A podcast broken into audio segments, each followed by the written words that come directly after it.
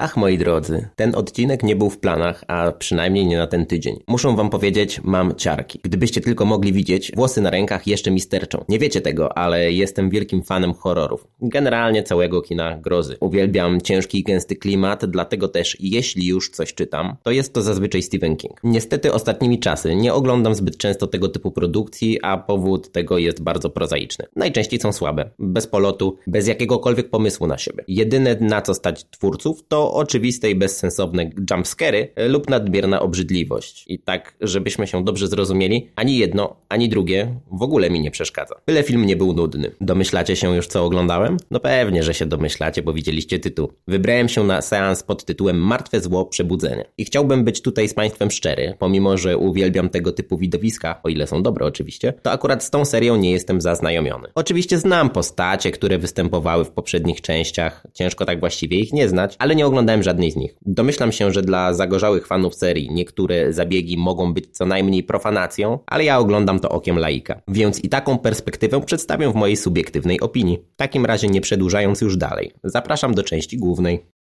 Zaczniemy sobie standardowo od reżysera. Za sterami tego statku stanął Lee Cronin. Nie ma za dużo w swoim dorobku, a przynajmniej nie są to produkcje docenione przez krytyków. Tytuły takie jak Impostor, Minutes Past Midnight czy Ghost Train po pierwsze nie zostały przyjęte zbyt ciepło, a po drugie wydaje mi się, że dla przeciętnego oglądającego nawet tego typu seanse po prostu nie miały znaczenia bo pewnie ich nie znacie tak samo jak i ja. Nie widziałem żadnego z wyżej wymienionych filmów, więc nie jestem w stanie powiedzieć o nich nic. Ale idąc dalej, gdzie dochodzimy do pierwszej kontrowersji, czyli castingu, nawet mniej wprawione oko, które nie zna serii, tak jak ja, zauważyło, że w obsadzie nie ma kultowego wręcz Bruce'a Campbella, czyli związanego na stałe z serią Asha. I zdaję sobie sprawę, że w poprzednim filmie Również nie było go w obsadzie, ale nie został on dobrze przyjęty i myślałem, że może powrócą do znanej nam formuły ze znanymi twarzami. No nic bardziej mylnego, chociaż o tym później. Postaci, które poznajemy w trakcie filmu, czyli Beth, Ellie, Dany, Bridget i Cassie, kolejno są grane przez Lily Sullivan, Alyssę Sutherland, Morgana Davisa, Gabriel Eccles oraz Nell Fisher. Nie będę się tutaj e, rozgadywał na temat tego, w jakich produkcjach grali, bo w większości przypadków są to aktorzy i aktorki młodzi, bez bez większego dorobku, jeśli chodzi o rolę. Może lekkim wyjątkiem jest tutaj australijska aktorka Alyssa Sutherland. Urodzona w 1982 roku aktorka ma w swoim portfolio tytuły takie jak Diabeł ubiera się u Prady, Wikingowie, Arbitraż czy Mgła, tak więc nawet dla fanów grozy mogła już się rzucić w oczy. Na koniec zostawiłem dla Państwa ciekawostki. Zdjęcia do filmu były kręcone dla odmiany w Nowej Zelandii, a dokładniej w Auckland. Od 6 czerwca 2021 do 27 października 2021 roku. I tutaj mm, to jest ważne, jeśli jesteście wrażliwymi widzami, ostrzegam przed seansem, bo do jego produkcji zużyto aż 6,5 tysiąca litrów sztucznej krwi.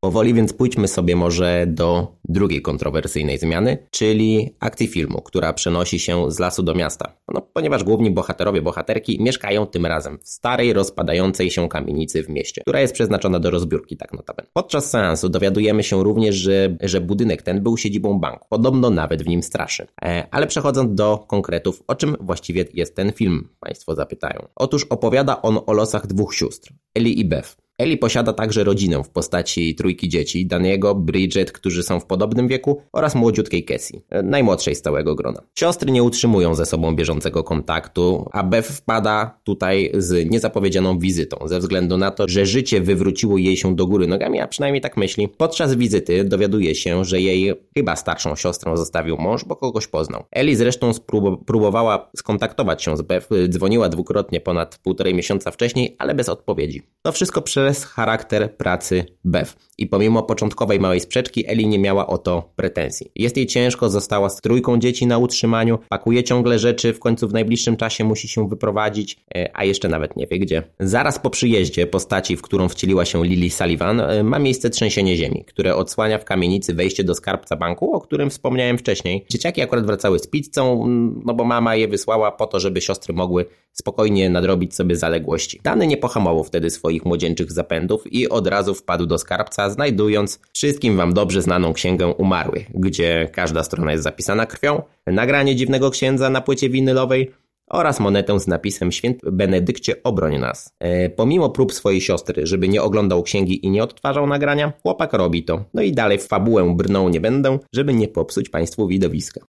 Historia ta jest oczywiście prosta, ale wciągająca od pierwszych chwil spędzonych z produkcją. Autorowi udało się osiągnąć coś, co w tego typu kinie jest, przynajmniej według mnie, rarytasem. Zżywamy się z bohaterami, rozumiemy ich ból i po ludzku im współczujemy. Od dawna nie oglądałem tak dobrego kina grozy, pod kątem nakreślenia scenariusza przynajmniej. Oczywiście ten film ma naleciałości poprzednich części. Czasem jest przesadzony, ale to jest zabieg celowy i bardzo dobrze użyty. Na pewno na plus dla produkcji jest także gęsty klimat, groza wylewająca się z ekranu. Praktycznie wszystkie sceny są kręcone wręcz klaustrofobicznie, znajdziemy tutaj bardzo dużo zbliżeń na twarz, ciasnych pomieszczeń, zagraconych rzeczami gotowymi do przeprowadzki. Razem z akompaniamentem idealnie dobranej muzyki bądź ciszy tworzy spójną całość, raj dla fanów horrorów. Żebyście dobrze też zrozumieli, jumpscary też tu znajdziemy, ale one są sensownie dobrane do sytuacji. Nie jesteśmy nimi zarzucani i pomimo tego, że zazwyczaj bardzo dobrze yy, wiemy, kiedy film będzie nas nimi straszył, i tak się boimy. A to jest zasługa budowania napięcia od samego początku seansu. Muzyka obrazem, przygnębiającą sytuacją rodzinną. Przykładem może tu być scena, którą mieliśmy okazję obejrzeć na przykład w zwiastunie, czyli smażenie jajek przez opętaną osobę. I jeśli jesteśmy już przy Eli, Zanotowałem przy seansie to kilkukrotnie. Casting w tym przypadku był idealny. Sam jej uśmiech powodował, że miałem ciarki na całym ciele. Jest przerażający i używa go często. Oj, często, często. Są jeszcze dwie sceny z jej udziałem, które zapamiętałem bardzo dobrze i zapamiętam na długo oklepane, bo widzieliśmy podobne milion razy, ale za to jak dobrze zrealizowane. Pierwsza, gdy wychodzi z wanny i jej palce powoli zaciskają się na niej, a druga to gdy przez wizjer rozmawia ze swoją najmłodszą córką. Groza przez wielkie G. Tak samo piosenka, kołysanka, którą śpiewa. Nawet teraz, jak o niej myślę, mam ciarki na plecach. Takich scen jest naprawdę bardzo dużo. Nie będę o nich tutaj opowiadał, bo, bo nie o to chodzi. Gwarantuję wam, że będą momenty, w których będziecie się bać. Oczekujecie zresztą zwrotów akcji? Będą. Oczekujecie operowania ciszą? Będzie. Straszenia obrazem budowania napięcia? Będzie. Przez cały seans to będzie. Wszystko zamknięte w godzinę i 37 minut, bez zbędnych wypełniaczy. Większość twórców mogłaby się tutaj tak naprawdę uczyć. Swoją drogą, pierwsza scena, którą widzimy na ekranie, na początku wydaje się całkowicie odklejona od reszty, uprzedzam, nie jest. Radzą dobrze oglądać. Ale dobra, nasłodziłem niemiłosiernie, a a nie wszystko mi się spodobało. Być może wychodzi tutaj ze mnie, że nie, to, że nie oglądałem poprzednich części. Jestem wielkim fanem tytułów takich jak innymi Obecność y, czy Naznaczony w reżyserii Jamesa Wana. I co różni te tytuły? Dwa, które wymieniłem przed chwilą, biorą się na poważnie. A tego nie można powiedzieć o tej produkcji i wiem, że jest to zabieg celowy. Pewnie nawet oczko w kierunku wygłodniałych fanów, do mnie jednak nie do końca w tym przypadku to trafia. Generuje to dodatkowe pytania, takie jak parking podziemny pod kamienicą, skąd wzięła się ta, ta wyciągarka, czy czymkolwiek to ustrojstwo było. Z piątki sąsiadów połowa posiada broń, reszta pięter nie słyszała tego cyrku. Oczywiście to są detale i chciałbym, żeby wybrzmiało to bardzo dosadnie. Bez ogródek powiem, e, podchodziłem z mega dużym dystansem do martwe zło przebudzenia. To nie jest nic osobistego, ale zawsze wydawało mi się, że jest to jedna z bardziej cringe'owych serii i nie do końca mi to pasowało. Odkładałem kolejne produkcje, a teraz po seansie wiem, że był to błąd i pewnie jeszcze w tym tygodniu zobaczę poprzednie części. Jest to bowiem jeden z najlepszych horrorów ostatnich lat, jakie ja oglądałem. Ociękający zepsuciem, obrzydlistwem, latającymi kończynami i hektolitrami krwi. Ma pomysł na siebie i pomimo, że używa sztuczek, które znamy bardzo dobrze, tutaj też nie ma co ukrywać, ale robi to umiejętnie, z wyczuciem i gracją, o ile e, no, przy tego typu widowisku możemy użyć takiego doboru słów. Na pewno nie jest skierowany do widzów wrażliwych, czułych. E, sam niejednokrotnie podczas seansu musiałem zakrywać uszy bądź odwracać wzrok, ależ jakie to było przyjemne.